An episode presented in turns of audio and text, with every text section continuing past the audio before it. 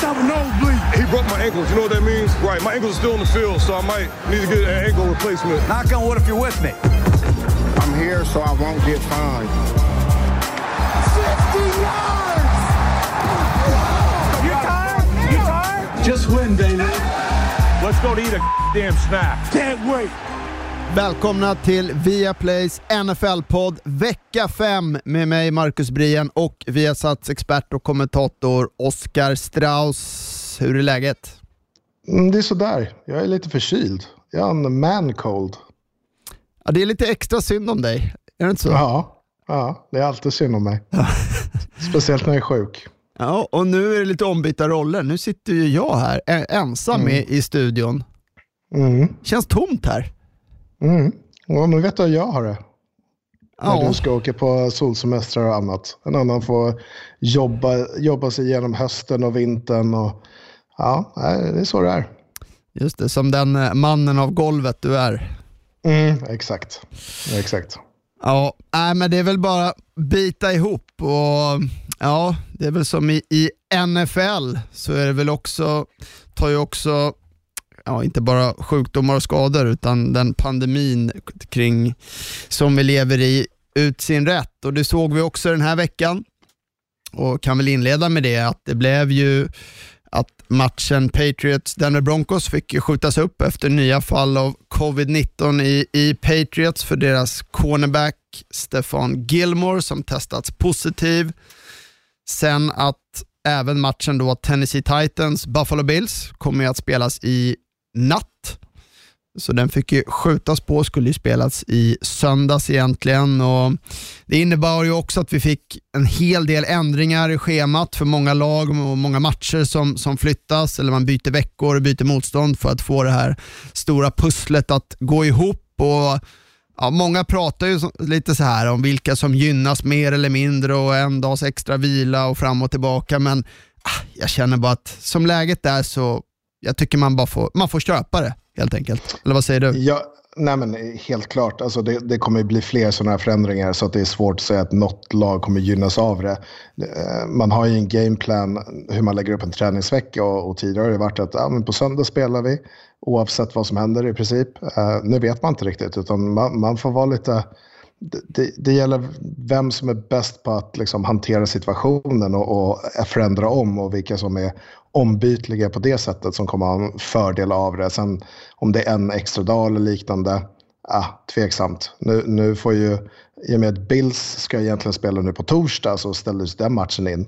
Uh, I och med att det blir knepigt att spela både tisdag och torsdag för, för dem då, självklart. Så att det blir en hel del rockader bland matcherna och det kommer nog bli fler sådana här. Så uh, jag vet inte hur länge man kan hålla på. Uh, Nu, nu är det ju vissa, vissa lags bye week som stryks. Ehm, så att, eh, nej, det, det, det blir knepigt framgent att hålla reda på allting. Men eh, jag hoppas att säsongen spelas i, i, sin, eh, i, sin, i sin fullo. Precis, det är ju det man ja, såklart håller tummarna för allra mest. Och det blir speciellt, nu får vi en Tuesday night fotboll den här veckan istället för då Thursday night. Och ja, det, det är ju så den här säsongen. Det blir nya, nya utmaningar hela tiden. Eh, och det behöver ju inte vara fel heller. Nej, och dessutom får vi två obesegrade lag. Tennessee som är eh, 3-0 och Bills som är 4-0. Båda lagen sett väldigt bra ut. Uh, inte minst Buffalo Bills. Så det ska bli spännande att se vilka som uh, ror hem den vinsten och antingen går upp i, i 4-0 eller 5-0 till och med och hakar på i täten. Annars så tänker jag att vi direkt här nu hoppar in i en stor nyhet och, och det är ju att för andra veckan i rad så har en headcoach fått sparken och nu var det ju inte så otippat kanske för många. Atlanta Falcons headcoach Dan Quinn som fick lämna tillsammans med deras general manager också, Thomas Dimitrov. Och, ja, jag såg att du skrev det också under, under matchen på, på Twitter när den pågick att Dan Quinn kommer få sparken om de förlorar, vilket de också då gjorde igen mot Carolina Panthers. Och ja, De har ju startat säsongen 05 och vi har ju pratat här om deras kollapser som har varit, så Mm. inte så otippat kanske. Nej, men inför den här säsongen så hade jag en favorit och det var ju Tampa Bay och, och, och sen visste man att Saints skulle vara där någonstans. Men sen trodde jag att Falcons skulle vara med och slåss om den andra platsen uh, Och att Panthers skulle vara det tydliga bottenlaget. Och jag kunde nog aldrig föreställa mig att liksom, hur man avslutade förra årets säsong. Det var ju därför Dan Quinn inte fick sparken förra året, för att han liksom avslutade på ett bra sätt. Mm. Uh, att de skulle komma in och starta 0-5 och förlorat inom inom divisionen också, och speciellt mot Carolina Panthers som var ju nederlagstippade.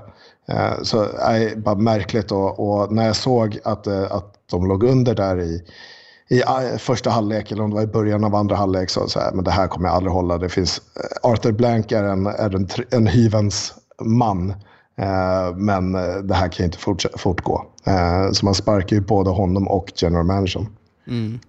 Ja, och lite som eh, de var inne på, alltså ägaren där, Arthur Blank, eh, i deras statement att det har ju de sa väl inte rätt ut, men att det har ju varit en utförsbacke egentligen sen deras kollaps i, i Super Bowl. Så har man ju mm. visserligen gått till slutspel ett år, men man åkte ut rätt snabbt och har ju miss, misslyckats nu. Och, ja, vad, vad tror du här då om, om Falcons och, och framtiden för, för det här laget? Alltså, de har ju all talang i världen, känns det som. Eh, och och liksom, de har ju eh, duktiga wide receivers, fick Hayden Hurst som tight end. Du har en jag ska säga, helt okej okay offensiv linje. Eh, du har unga bra spelare på den defensiva sidan.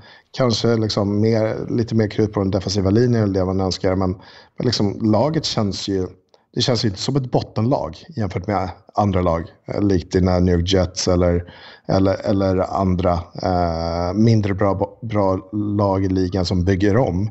Men det här laget ska ju inte starta 0-5, speciellt inte mot det motståndare man har mött, mött hittills. Så det är, det är en ren underprestation. Uh, helt klart. Ja, samtidigt så har det också börjat liksom sippra ut lite sådär, eh, ja men vad ska Falcons göra? Eh, det här trade deadline kommer ju om ett tag och liksom vill de gå in på en, liksom en total rebuild här och nu. Jag menar det ska in en ny general manager och en ny head coach. Det kan innebära stora förändringar och det känns ju som, precis som du säger, så om de nu väljer den vägen så finns det ju möjlighet att kunna få lite betalt för några av sina stjärnor. Om man nu väljer att, att, att helt liksom starta om i, i, i Atlanta. Jag tror man kommer avvakta med det. Just nu vill man liksom sitta lite still i båten skulle jag tippa på. Uh, du har ju interim headcoach Raheem Morris och sen så har du, jag vet inte vem som kliver in på general manager-positionen, men, men uh, jag tror inte man kommer göra några märkliga beslut förrän man har en ny headcoach. Uh, eh, och sen om det blir det här året och man signar Raheem Morris uh, på ett längre kontrakt eller om man går ut och letar efter en ny coach. Uh, det är ju frågan. Men, men jag, tror, jag, jag, tror inte att man går ut och liksom säljer ut hela laget för att få en massa draftpicks när man inte vet vem nästa års coach är. Nej, nej. Och ja, Dan Quinn då har ju haft det kämpigt. Alltså han, kom, han var ju en framgångsrik defensiv koordinator i Seattle Seahawks och det var ju mm. när de också var som mest framgångsrika med sitt, ja, kanske bästa försvaret man har sett på, på väldigt länge. Och, men han har ju absolut inte lyckats med, med, med det i, i Atlanta här och frågan är vad, vad, vad händer med Dan Quinn? Nej, men han, det, under 2010-talets början så var ju han den absolut bästa defensiva koordinatorn. Alltså Seattles defense i början på 2010 och, och, och framåt var ju, liksom, han byggde ju upp det laget. De draftade otroligt bra i Seattle och, och byggde upp Legion of Boom som fortfarande mm. gäller på något sätt. Liksom, det kanske bästa backfieldet i ligan tillsammans med duktiga linebackers och duktiga, alltså hela defenset var ju bra. Eh, så, så jag skulle vara överraskad ifall han inte får en defensiv koordinatorroll någonstans i ligan. För att talangen om man bygger upp ett defense, det, det vet jag ju, även fast han inte lyckas med det speciellt bra i Atlanta Falcons. Eh, vilket jag tycker är märkligt, men det är som du säger, det har ju gått ut för, från deras Super Bowl-säsong. Eh, men och totalt sett så är 43 och 42, alltså drygt, ja, eh, nästan precis 500 i, i eh, vinster och förluster. Så att och det har gått ut för sen Super Bowl-förlusten som sagt. Jag är mer tveksamt om, om han verkligen kommer få förtroende som defensiv koordinator kan, här på en gång. Jag vet, man brukar ju oftast ha liksom det, det senaste på näthinnan och där ser det ju inte så särskilt bra ut, både i år och förra året i, i, i Atlanta. Eh, men vi får se, vi får se var, var, vart han tar vägen. Och, ja, vi pratade lite förra veckan här när vi pratade Texans också, hur, hur attraktiva jobben är. Och hur skulle du ranka jobbet i Atlanta för den nya headcoachen som kommer komma in där? Ja, men det, det, skulle jag vilja ha. Jag kanske inte ville ha det i Houston som jag sa förra veckan, men, mm. men HC-jobbet eh, i Atlanta, för talangen finns där. Sen så behöver du lite fler byggstenar och, och liksom få upp självförtroendet i det här laget. Det har ju dippat sen Super Bowl-förlusten såklart. Och speciellt hur man har förlorat matcher det här året med lätt två gånger med, med stora poäng. Um, och, och sen förlora på ett snöpligt sätt. Uh, det här jobbet skulle jag vilja ha absolut. Så du rankar jobbet i Falcons egentligen som mer attraktivt kontra Texans mm. där då? Alla dagar i veckan. Mm.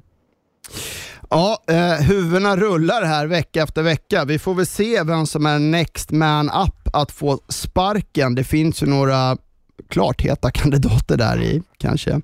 Adam Gaze, Matt Patricia och vad vet jag, Dog Marone kanske. Och också fått en fråga där på det området från eh, Watt Watterson som undrar vad som krävs för att Adam Gaze ska få sparken. Och, ja, jag vet inte. Jag, vet, jag ska ärligt svara, jag vet inte. Det här är det värsta New York Jets jag har sett. Och, så att... Eh, Däremot, vad mer krävs liksom? Ja, vad, vad mer krävs? Det finns ju så otroligt mm. många trådar att, att, dra i och jag menar lägg vågskålar positivt negativt där så tippar det över rätt stort. Och nu såg jag faktiskt att fansen skapat en kampanj på, på Twitter, New York Jets-fansen, då de inte kan vara på arenan och bua och visa sitt missnöje så har de skapat en kampanj under hashtaggen unfollowjets där Jets då som har 1,2 miljoner följare på, på Twitter och där de vill få det under miljonen för att det liksom ska visa för, för ägarna hur missnöjd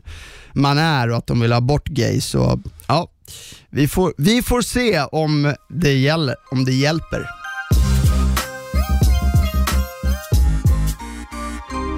Dags att dyka ner i matcherna och där väljer jag nu egentligen att lyfta ut den, den största, kanske mest betydande händelsen från veckans matcher. Och det hittar vi i matchen mellan Dallas Cowboys och New York Giants. Och det var ju som ni alla känner till så att Dallas quarterback Dak Prescott skadade sig allvarligt och nu kommer att missa resten av säsongen. Och ja, Det var ju väldigt känslofyllt. Man fick se en Dak Prescott i tårar och han opererades ju också samma kväll.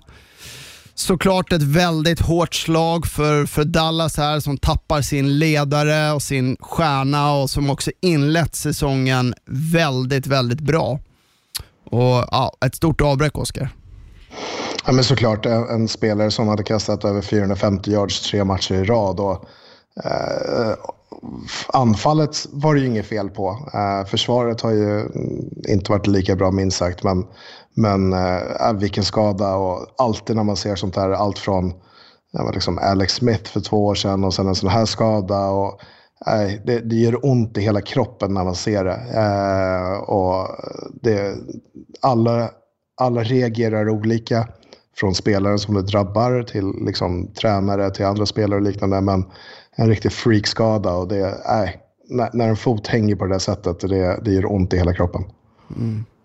Ja, jag tyckte också det här, man såg ju många med lagkamrater och, och, tränare och alla runt organisationen i Dallas och även andra spelare i ligan visade sitt stöd för, för Dak och många vittnar ju också om hur, hur han är som person, att han verkligen mm. har vuxit och blivit den här ja, verkliga ledaren i, i Dallas omklädningsrum och en symbol för, för laget. Och då ställer jag mig frågan liksom lite, hur, vad tror du det kan innebära? Och har du själv varit med om något liknande i något lag, att liksom, jag vet inte, quarterbacken gått ner eller den, den stora ledaren och vad, vad det gör med laget så att säga? Nej, det, det har jag inte. Eh, vi hade en running back i Minnesota som var otroligt duktig som blev inbjuden efteråt eh, efter sin karriär till Green Bay och, och provträna där under rookie minicamps. Ehm, en otroligt duktig running back och året efter, han var bäst i hela eh, NCAA i division 2 som jag spelade i när jag kom till sprungna yards två år i rad. Ehm, men året efter eh, när Universal Minnesota Duluth vann ett mästerskap som han inte han med för han skadade sig, drog i korsbandet. Och det gjorde ju rätt mycket, men, men laget kommer ihop på ett annat sätt. Nu stod jag på sidan av, men följde ju såklart laget och, och hade vänner kvar och, och, och, som jag pratade med. Men laget kommer ihop att, liksom, att andra måste ta upp taktpinnen och kämpa ännu hårdare. Eh, så det, jag skulle säga att det snarare sammansvetsar ett lag bättre eh, eller mer eh, Eh, när en sån betydelsefull spelare skadar sig. Mm. Och eh, nu ska man väl kanske också vara väldigt lycklig över i Dallas. Eh, dels för att man, ja, att man kanske spelar, eller man spelar i den sämsta divisionen i NFL.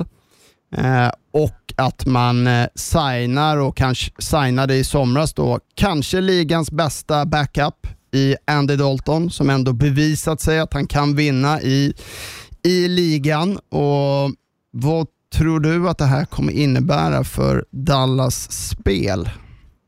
Ja, men helt, helt klart, här, här är ju liksom, här är beviset att, en, att ha en veteran på bänken som har hävdat sig i ligan tidigare. Eh, som vilket, att istället för en ung spelare som ska lära sig bakom Dac så har man plockat in en veteran och, och han kan komma in ganska snabbt och, och ta det här laget, för det var väldigt jämnt i den här matchen, ta det här laget till vinst. Mm. Um, och, och, med 13, eller han satte upp 13 poäng då efter skadan. Uh, gick 9 av 11 för 111 yards. Liksom. Så, så uh, men men uh, självklart så kommer det bli innebära mindre springspel från, från uh, quarterbacken i och med att Andy Dalton inte är Dak Prescott.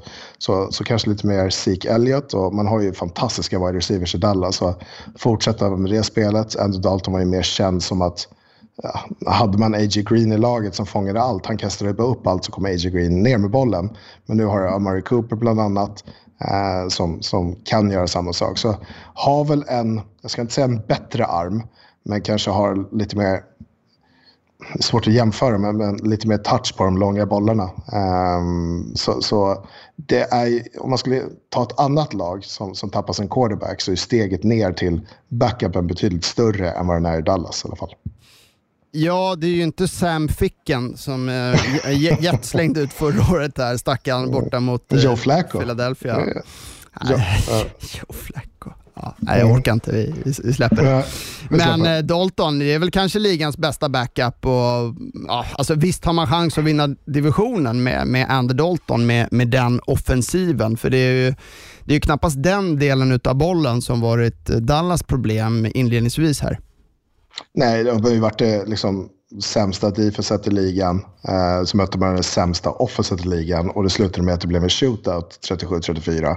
Eh, vilket jag, jag trodde ju någonstans att Dallas, liksom, ah, men här har vi en match vi kan bygga lite självförtroende på eh, inför liksom, nästkommande matcher. Men, men nej, när, när Daniel Jones som håller bollen alldeles för länge, spel på spel på spel, eh, kan fördela bollen på det där sättet som man gör till sina wide receivers. Så, eh, blev, blev inte mindre frustrerad eller mindre orolig för det här försvaret eh, framgent.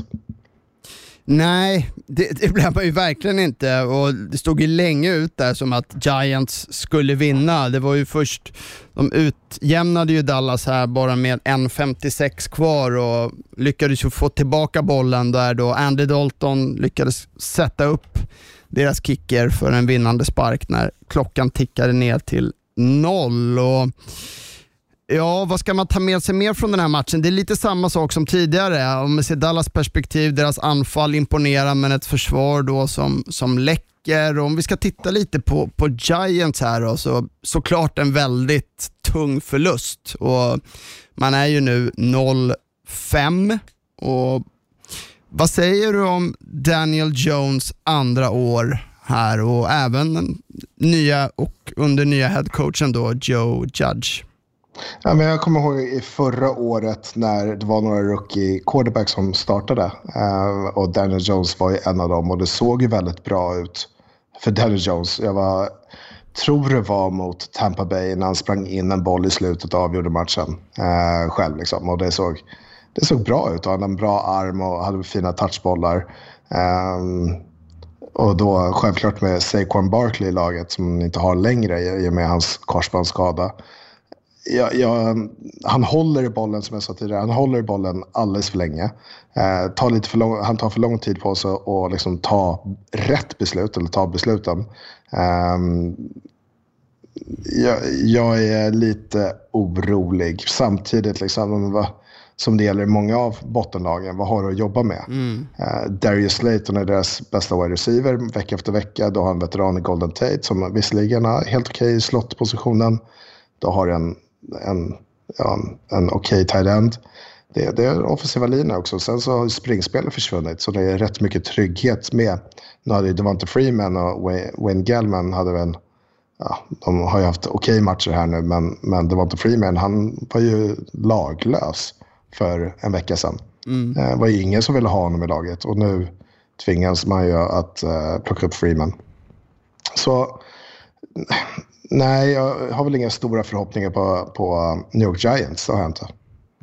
Nej, och som du säger, det, det, saknas ju playmakers här och nu när Saquon Barkley är borta så gör det såklart inte saken enklare. Men jag tänkte på det också här när man såg den här matchen och man såg just Dallas rookie wide receiver i CD Lamb eh, som hade väl en 124 yards i den här matchen. Och jag tänkte på det, dels utifrån Giants perspektiv, men lite också utifrån ja, mitt New York Jets perspektiv. att ah, Varför går man inte ut i draften och tar en sån här spelare i första rundan som liksom blir en stjärna och som kan göra skillnad istället för att liksom ja, draf, drafta någon trött defensiv spelare eller någon offensiv linjeman. Um... Men det är där det gör skillnad. Alltså där, där, Visst, du kan ha en stjärn wide receiver, en stjärn running back och så vidare och, och bygga kring det. Men jag, min, min, tro är att man bygger lag från, från, liksom, från grunden och det gör man på offensiva och defensiva linjen. Och liksom bygger laget därifrån. Ja, men om du tar in en jättebra running back, ja, men vad ska han, liksom, vilka hål ska han springa igenom ifall det inte finns några?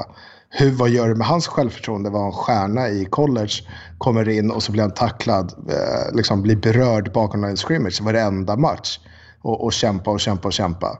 Liksom det, det, det, det händer inte. Kolla på, på Le'Veon Bell som var storstjärna. Mm. Sen satt han ut ett år, så kom han till New York Jets. Hatar att vi kommer tillbaka till det laget hela tiden. Mm. Men det är så mycket dåliga exempel i, i det laget. Men, men kommer tillbaka där och han har ju varit obefintlig i de här, eller de här två säsongerna som han varit där nu.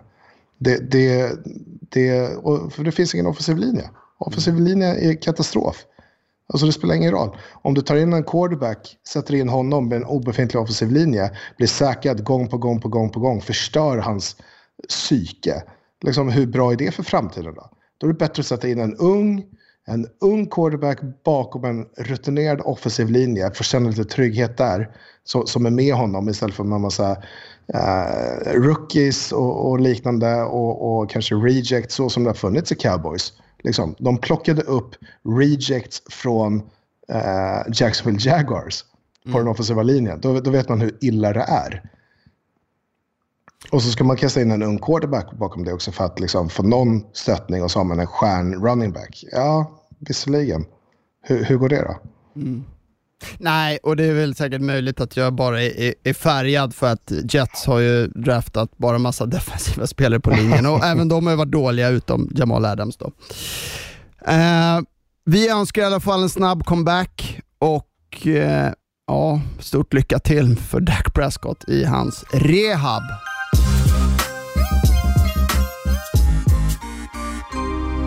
Veckans match i NFL-studion var ju mötet som man på förhand trodde bara kunde sluta på ett sätt, nämligen att Kansas City Chiefs skulle vinna mot Las Vegas Raiders. Men igen så visade ju NFL att det är världens mest oförutsägbara liga och kanske också därför den är så älskvärd då Patrick Mahomes förlorade sin första match någonsin i NFL med mer än sju poäng då Las Vegas vann med 40-32 och jag vet inte Oskar, var det för att vi jinxade och började prata 16-0 här förra veckan? Så, eller hur?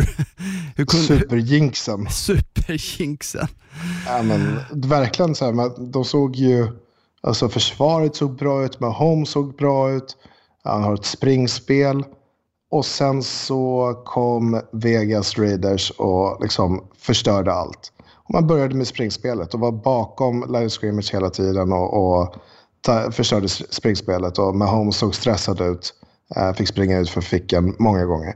Men uh, nej, helt, helt oförutsägbart skulle jag säga. Jag hade aldrig kunnat, likt jag sa förra veckan, uh, Kansas City det laget som går 16-0. Um, ehm, mm. Det gjorde de inte, vet vi nu. Men eh, alltså, två saker här skulle jag säga. Alltså, dels Vegas försvar, framförallt i andra halvlek, eh, mm. som du säger, stängde ner nästan det här eh, explosiva Kansas. Och att det var lite tvärtom här, att det var Ve äh, Vegas som hade en del stora spel som vi är så vana att se Chiefs med sina bomber på Tyreek Hill och Nicole Hardman. Medan här så var det Vegas med Eh, Derek Carr till Henry Ruggs och Nelson Aguilar med två långa touchdowns. Och Carr som också kritiserats en del för att inte just gå djupt utan spela mer safe, korta säkra bollar, visade ju verkligen sina tvivlare här. Ja men verkligen. Och man insåg ju att Henry Ruggs är, hade man ju saknat i det här laget. Eh, det djupa hotet och man såg ju vilken explo explosiv spelare han är och vilken skillnad han gör för det här laget också. Det är inte bara kortpassa på Darren Waller. Uh, utan nu, nu har man ett helt annat djupt hot. Vi alla vet att Aguilar är en snabb spelare men han kunde inte fånga någonting i Philadelphia. Uh, gjordes många memes på honom. uh, men men fått lite nytt liv här i, i Vegas Raiders. Ja, och deras försvar där då, det kom också lite som en, ja, det kom som en överraskning, ingen liten sådan heller. Nej, men verkligen. En bra defensiv linje. Vi fick ju följa det här laget, i ett ungt lag i Harnox förra året. Eh, och vad de betytt. Eh, Max Crosby där var nere och stressade och fick en säk med sig. Eh, och man kunde stressa fram en, eh, Mahomes första interception för året också. Eh, så, så Mahomes såg stressad ut många gånger. Eh, och fick springa ut ur fickan. Och han kan ju göra sådana här fantastiska grejer. Och springa åt ena hållet, kasta bollen tvärs över kroppen och eh, över planen eh, för 40-50 yards och det ser obrytt ut. Men, men så mycket mer stressad ut i, i idag tänkte jag säga, men i, i söndags. Så att, nej, och samtidigt så stängde man ner hela springspelet med Clyde Edwards-Hilaire som hade han är en fantastisk vecka första veckan och sen har det gått sakta men säkert lite neråt för, för honom. Mm. Uh, men uh, Vegas Raiders hade en klart bättre andra halvlek och stängde till. Det var ju tredje kvarten, det blev inte en enda poäng i tredje kvarten. Utan det stod 24-24 när man gick in i, i halvtidsvila. Sen kom man ut och stängde ner. Um, och sen i fjärde kvarten kunde man dra ifrån. Um, och ledde med 40-24 och, och, Kansas hade ingenting förrän man gjorde ett touchdown där till Travis Kelce.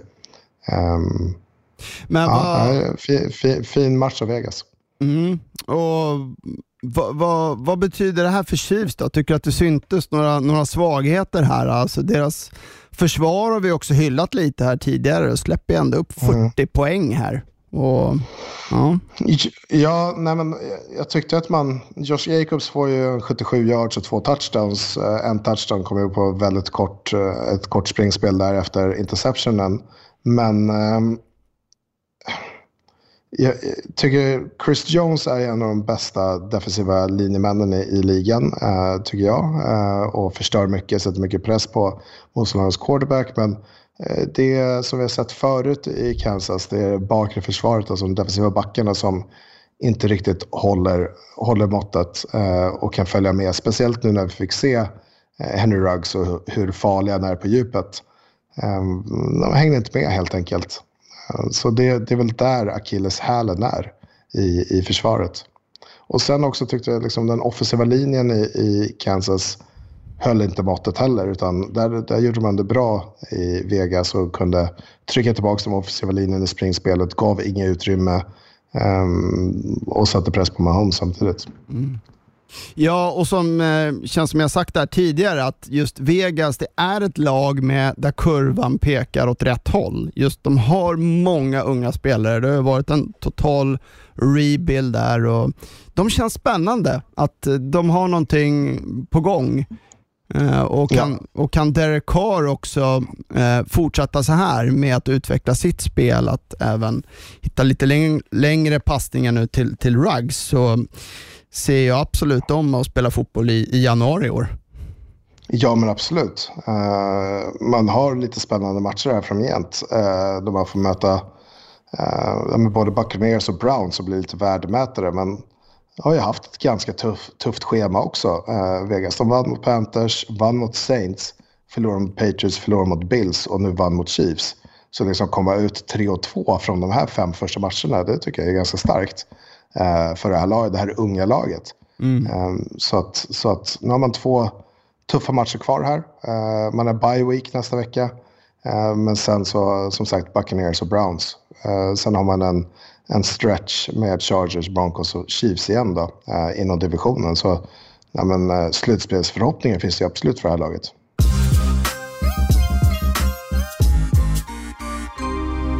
Några snabba korta om övriga matcher. Är de NFLs fula ankunge, Chicago Bears. Laget som saknar lyskraft, spelar grisigt och som inte många tror på men som trots ändå sitter där med fyra vinster och endast en förlust. På Thursday Night Football så tog man just sin fjärde seger på året då man skrällde och slog favoriten Tampa Bay med 20-19.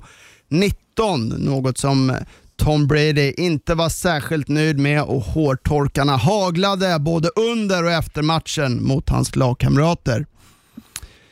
Baltimore Ravens rookie linebacker Patrick Queen ser än så länge ut som årets defensiva rookie. I matchen mot Bengals plockade han upp en fumble för en touchdown och var överallt på planen och terroriserade Joe Burrow i Bengals som inte hade mycket att sätta emot då man förlorade med 27-3.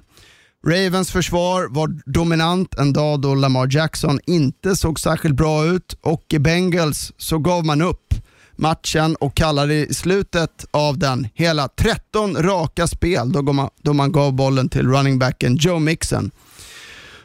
Och jag har också tidigare sagt det förr och nu kom ytterligare ett bevis på det att förre wide receiver-stjärnan i Bengals, A.J. Green, totalt checkat ut efter en pinsam insats igen. Houston Texans med nya interimcoachen Romeo Cornell spräckte vinstnollan med en ganska så komfortabel seger mot Jacksonville Jaguars med 30-14. I Houston hade Brandon Cooks en sån match man ser från honom ungefär var femte match med 169 yards och en touchdown.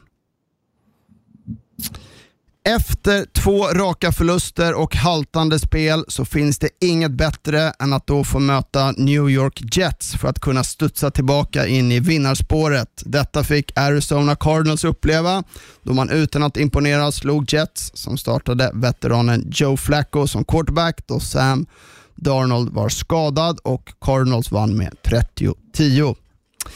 Indianapolis Colts såg igen sådär menlösa och anonymt gråa ut, som de även gjort tidigare i år och deras tidigare så starka försvar kunde heller inte stå emot Cleveland Browns alla offensiva vapen och släppte upp 32 poäng och man förlorade matchen 32-23. I Browns visade igen Miles Garrett att han vill ge Aaron Donald en match om prisen som årets defensiva spelare.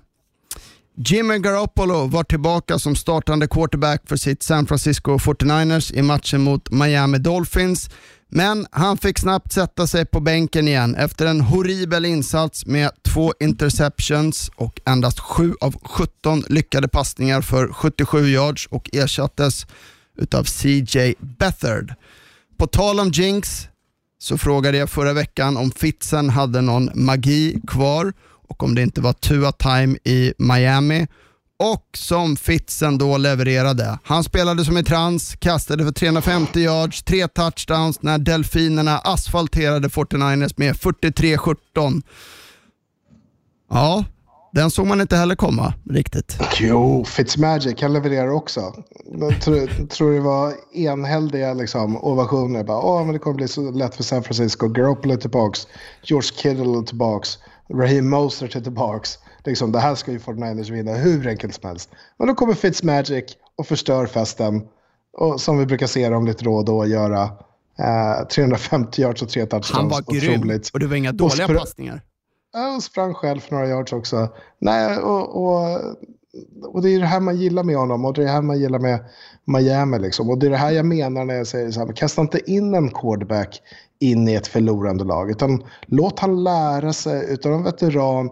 Liksom, gå bakom honom, hur han förbereder sig för matcher, följa honom. Och man såg liksom när han har kastat touchen av Fitzmagic och Tua bara hoppar på honom och är så glad. Liksom.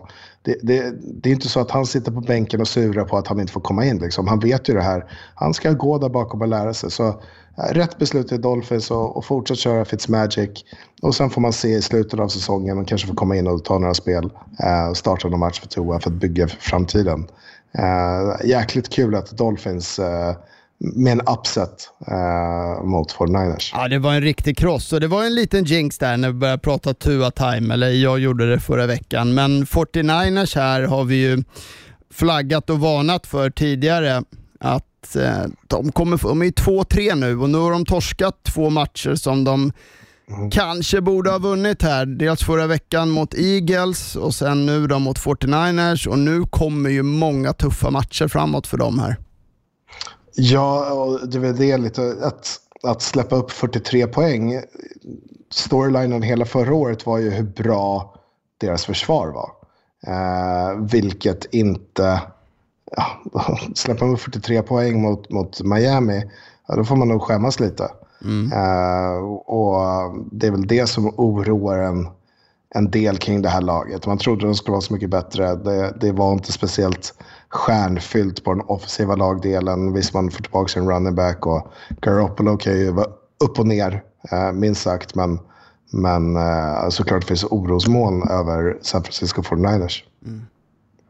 Du, vi har ju knappt pratat om dem och jag sa ju här också att de är menlösa, de känns så jäkla gråa, Indianapolis Colts. Mm. Eller hur? Va, alltså, säg så här, vad finns det att säga om Colts? Man bara, nej, jag vet inte. Nej, men li- ligans bästa försvar i mina ögon. Alltså, alltså ett, eh, och, och den offensiva linjen är kanske ligans bästa också. Ehm, och, och kan sätta press på motståndarlaget. Men sen är det inte lätt när Philip Rivers kastar två picks. Eh, en pick six som, fan den, den skulle jag kunna ta. Uh, och, och cornerbacken bara står och stirrar ner Philip Rivers. Och Philip, det, det är som att han har sagt till Philip Rivers, ah, men där, där någonstans i, i eh, andra kvarten, uh, eller i början av tredje kvarten, uh, kasta ut den där flatten så tar jag den spring för en pick six. Och, och så ger jag dig en ny bil eller någonting. Och sagt och gjort så, så hände det ju. Det var, det var, all, alla såg det. Och Philip Rivers, så som man kan göra, så som han gjorde förra säsongen, så kastade han den bollen i alla fall. Eh, och så på efterföljande spel, ganska kul, blir en kick-off return touchdown också.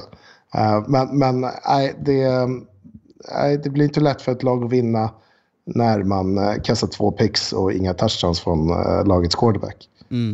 Och Browns här igen då, fyra raka nu och som jag sa, ja, Miles Garrett Ja. kanske ger Aaron Donald en match där. Det hade inte hänt Ja. sen, vad var det de sa, 94. Oj. Eh, vunnit fyra, ra- eh, fyra raka. När Bill Belichick var coach i Browns. Vilket är intressant. ja. Eh, och starta 4-1. Nej, men det, det ser ju bra ut. Och det, om man jämför det här laget mot förra året och den offensiva lagdelen. Jäklar vad kul de har. Alltså man ser Landry och, och, och, och Beckham. Hur de springer runt och sen så har du Kareem Hunt och Baker Mayfield. Alla har så jäkla kul i, i Cleveland Browns. Eh, och samtidigt som man bytt på det här, DFS ser, ser också bra ut. Um, och vi pratade om både dem och, och, Raiders förra året, att de kan komma och vara en liten upset, ta sig in i slutspel och kanske vinna någon match där. Men nu, nu räckte det inte fram förra året. Men båda de lagen, uh, och framförallt Browns, hoppas man på i, i framgent här. Ja. Jag tog upp det här med, såg du det här AJ Green? När han bara checkade ut Ja, och det var ju på interceptionen där. Joe Burrow får en mm. enorm press på sig, kastar upp den och är alldeles för hög för, för Green. Och, och han vägrar ju. Alltså han mm. vägrar ju springa efter den. Han vill inte slänga sig in och tackla någon och liksom kämpa för laget. Utan, mm. och sen ser man den på, såg någon, någon bild, jag såg inte den här matchen live såklart. Men, men äh, sätter sig på bänken och säger typ så här, why don't you trade me? Uh, eller trade me eller liknande.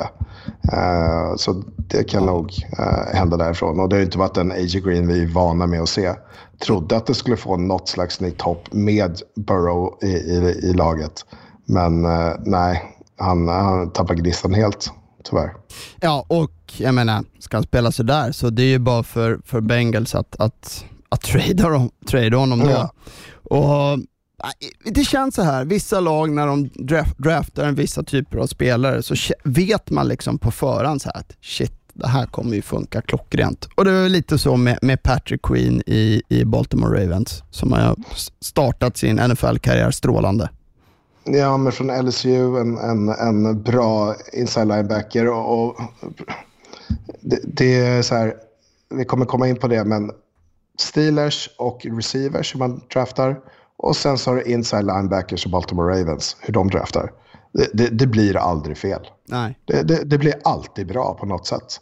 Uh, och, och, det är galet liksom. Men, CJ Mosley hade man där och, och Ray Lewis dessförinnan. Och plus några andra. Det, det, det är galet uh, vilken talang den här spelaren har.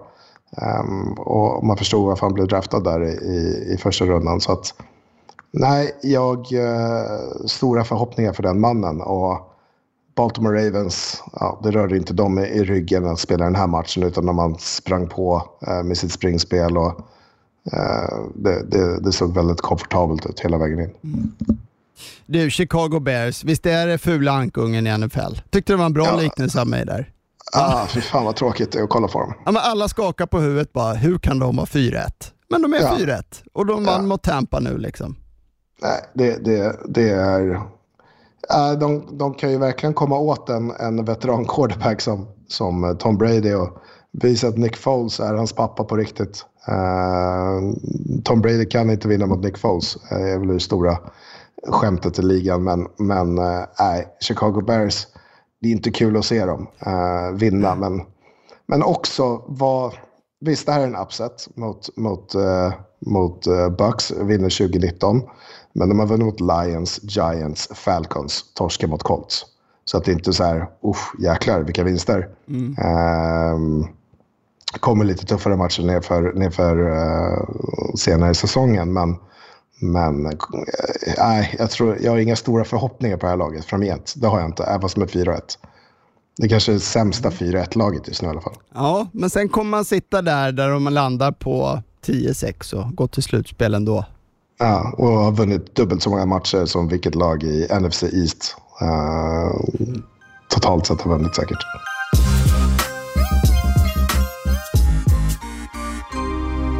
Du gjorde verkligen skäl för ditt epitet som expert, Oskar, när jag inför säsongen bad dig ta fram en rookie. Vi skulle få se blomstra i år och du spelade inte safe och drog ett kändare namn ur första rundan utan gav Pittsburgh Steelers wide receiver Chase Claypool. Och jag hoppas att många av er lyssnade på Oskars tips och kanske till och med startade honom i er fantasyliga, för i helgens match mot Philadelphia Eagles så svarade Claypool för hela fyra touchdowns när man vann med 38 29 och i Eagles fick vi kanske också se en annan wide receiver-stjärna tändas i Travis Fulgham som svarade för 152 yards och en touchdown. En lysande stjärna eller en one-hit wonder återstår att se där. Klart är i alla fall att Claypool kommer ju vara en klar stjärna framöver.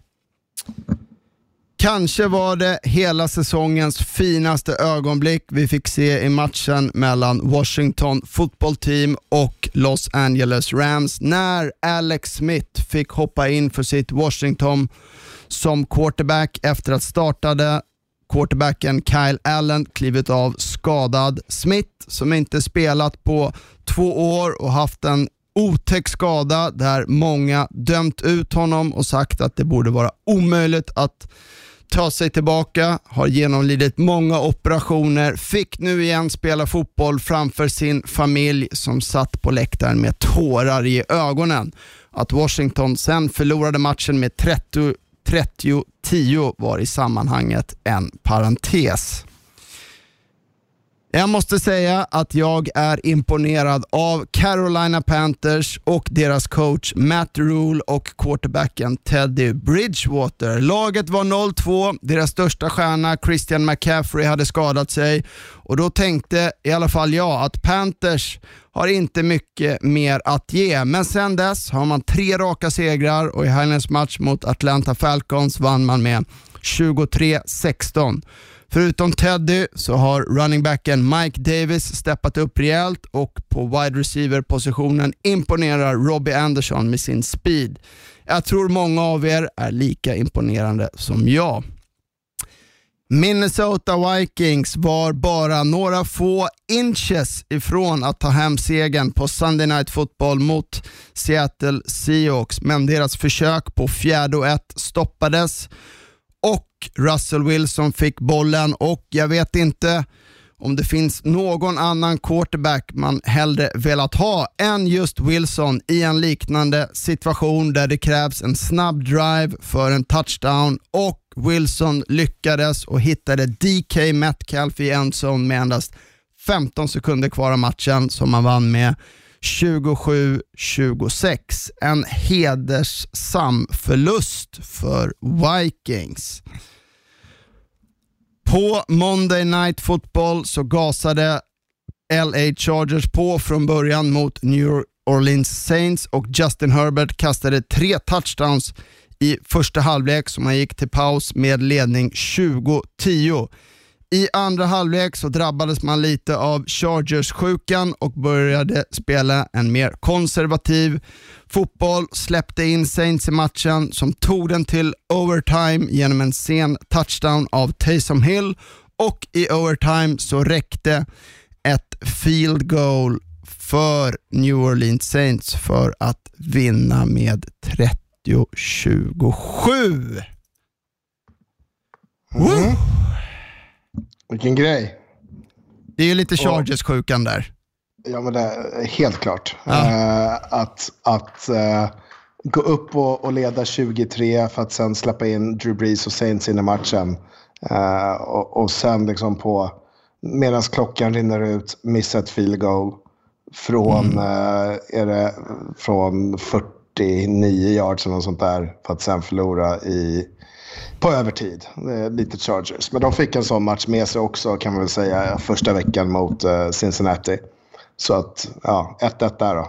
Ehm, Ja, och man Sen- blev så konservativa i play, play. Alltså, de vågade i början och sen så vart det Mm. bara, hela andra halvlek vart det bara springa på first och second down och de, de kom ingenstans och sen var det third and long och sen, ja, som du sa, en doink i slutet på, på field goalet där. Men ah, våga! Herbert såg ju så jäkla fin ut där i första. Ja, men man hade inte bollen så många gånger i andra halvlek. Eh, Du, du, eh, det är punt, punt, punt. Tre raka punts. Sen har du en lång touchdown. Eh, Och sen så har du missade field goalet i slutet. Så det, det, du har fyra, fyra gånger, eller fem gånger har du bollen. Varav tre pantar du. Så det, det, då är det inte lätt att hänga med på slutet. Och det är därför det bara blir en touchdown också, såklart. I andra halvlek.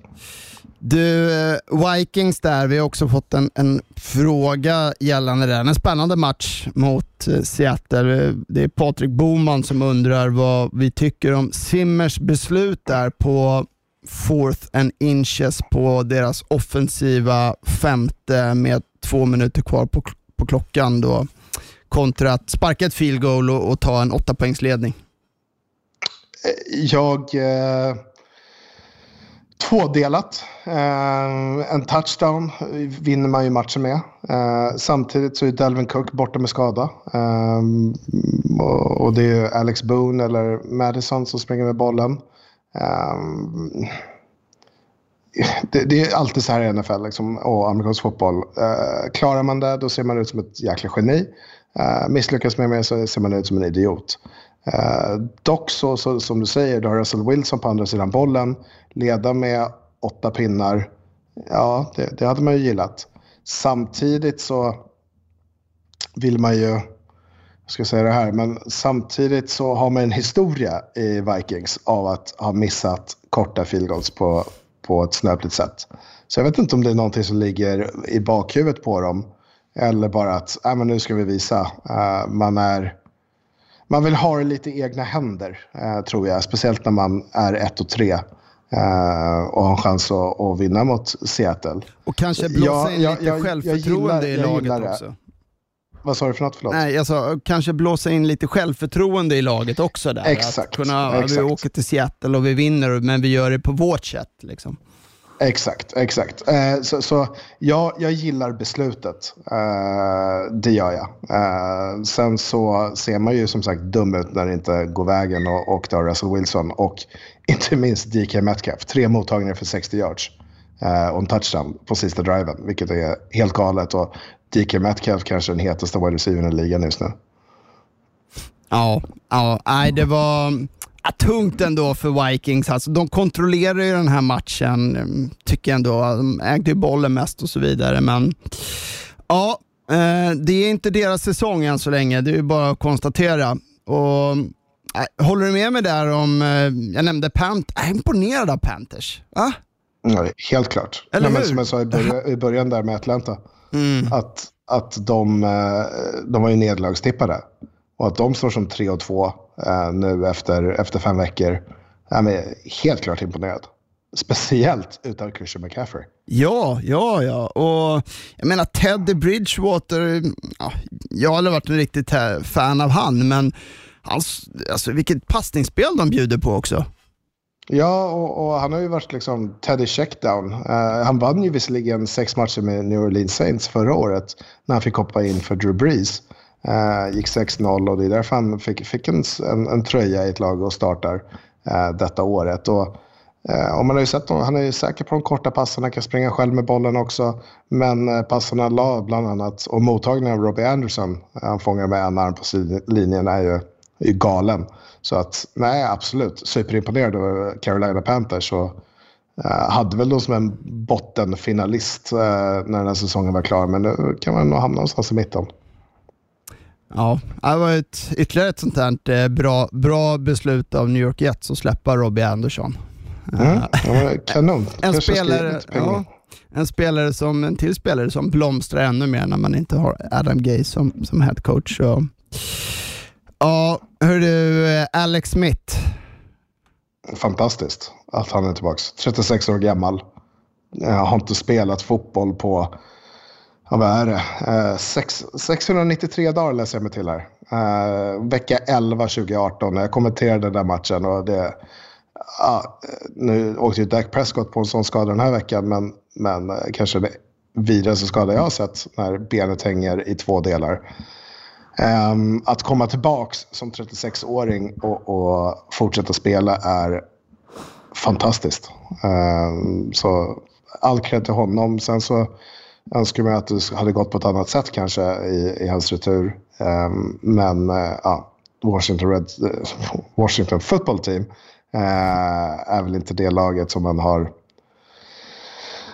um, ser med flest vinster i vinstkolumnen när den här säsongen är slut. Nej, och det var ju lite speciellt här också. Vi har också fått en fråga från Daniel Johansson här eh, med anledning att de valde då att eh, bänka eh, Dwayne ha eh, Haskins som har startat eh, alla tidigare matcher.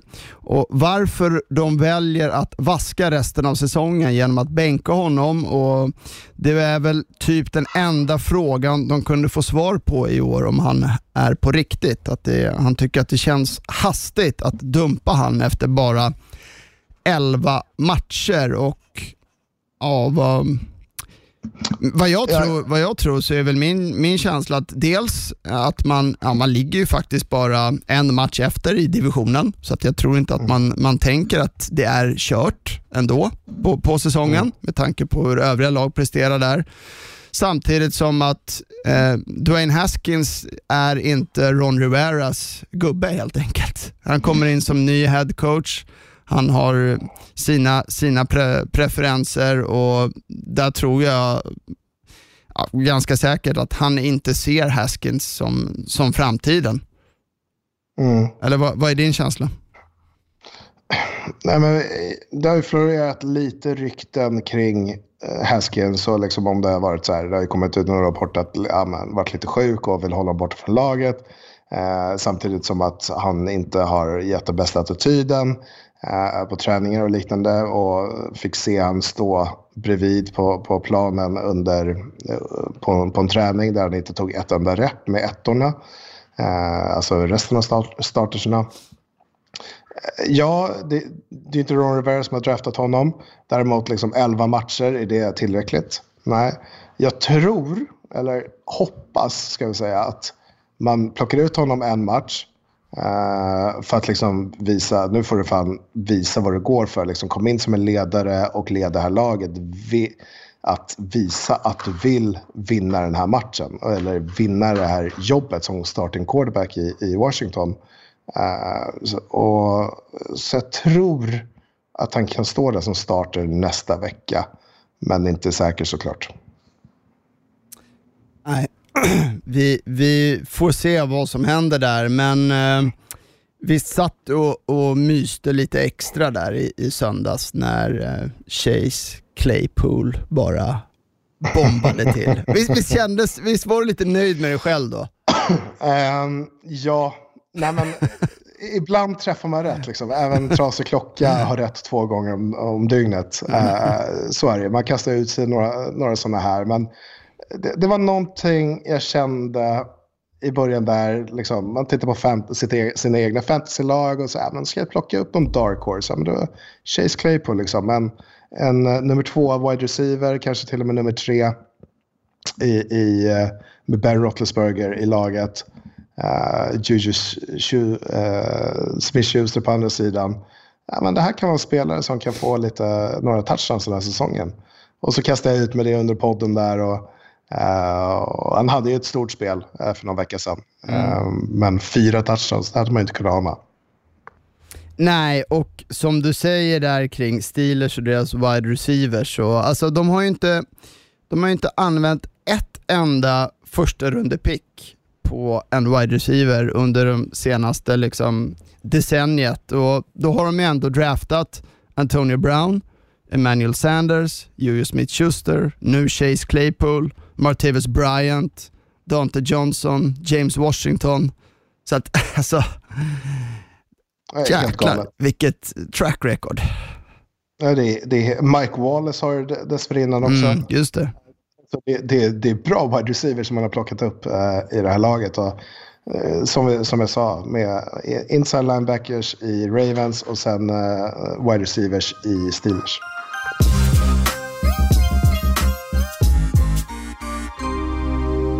Veckans match i NFL-studion och på Viaplay på söndag är divisionsmötet i AFC North mellan Pittsburgh Steelers som är 4-0 mot Cleveland Browns som är 4-1. Vilken match! Ett riktigt tungviktsmöte i divisionen, Oskar. Ja, men den hoppas man ju på lite extra. Vi har ju haft bra matcher här, inte senast eh, Kansas City och, och Vegas Raiders. Och, och nu får vi den här matchen som ja, på förhand är en kanonmatch med, med två lag som presterar. Och jag läste här till mig att Pittsburgh Steelers inte varit 4-0 på många, många år. Eh, vilket känns jättekonstigt, för det känns ju som ett lag som är 4-0 varje år i princip, förutom förra året. Eh, men har inte startat 4-0 eh, på hur länge som helst. Så det, är- det är märkligt. Men, men eh, en kanonmatch på förhand. Och, ett tufft defense i Steelers mot ett stjärnspäckat anfall i Browns. Och se hur den, hur den matchningen går. Ja, det blir ju ett test här verkligen för, för bägge lagen. Browns, ja, ska de ta det här klivet nu? Ska de, ska de kliva, kli, är det dags nu att kliva ur skuggan från liksom storebrorsorna Pittsburgh Steelers och, och Baltimore Ravens? Då ska man ju gå in och vinna den här matchen. Ja, absolut. Uh, man är 4-1, man har vunnit fyra matcher i rad, precis som jag sa innan. Ett lag som har jäkligt kul där ute. Och, och uh, fortsätta med det mot det här laget. Man kommer ta ett par smällar mot ett tufft defense. Och, uh, om det går dåligt, det kastas någon interception och så, inte sitta och skälla på varandra på sidlinjen när man ligger under, utan komma ur, ut från det och, och liksom fortsätta eh, gneta på. Så kan man nog eh, knipa en vinst mot Steelers på på bortaplan. Skulle inte förvåna mig om det ändå är så här att man leder, men man inte riktigt liksom knyter ihop säcken och, och att Steelers ändå vinner en, den här, en, en tight match i slutet. Alltså det, de, Steelers är ju favoriter för mig självklart, men de imponerade ju inte mot Philadelphia. Eh, där det var en tight match hela vägen in egentligen. Släppte upp 29 poäng mot Philadelphia, vilket var med det försvaret de har att släppa upp 29 poäng mot, mot Philadelphia är ingen, ingen eh, bravur. Så, så kan man, släppa upp 29 pinnar där, det kan man nog släppa upp mer mot Browns. Så det kanske blir en, blir en shootout. Claypool mot eh, uh, OBJ. Det kan bli intressant. Ja, det ser vi ju verkligen fram, fram emot. Och jag har ju lite andra tungviktsfighter där. I AFC har vi ju Chiefs mot Bills. Den matchen då som är flyttad kommer ju spelas på måndag tror jag. Ehm, ja, får vi se om Bills då lyckas vinna i, i, i natt mot, mot Titans så kan ju det vara en avgörande match för sidningen framåt också. Vi har ju också en, en, en klassiker i, i Tom Bradys Tampa Bay som går upp mot Aaron Rodgers, Green Bay. Vilket vi har i den andra matchen i studion på söndag. Vilken söndag. Vad, vad, får vi se dig då? I studion eller kommentera? Eller vad? Uh, om, jag blir, om, om jag är frisk uh, så kommer jag kommentera med Carl-Johan Björk. Det ser vi fram emot.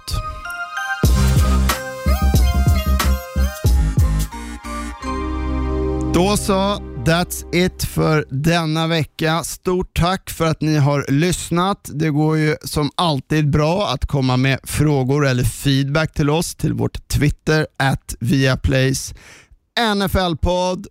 Over and out säger Marcus Brian och Oskar Strauss. Ha det gott. Tjena, tjena.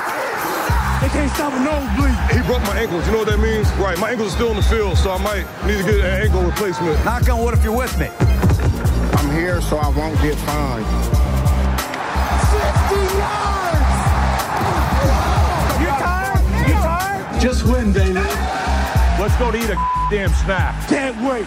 Produceras av I Like Radio. I Like Radio.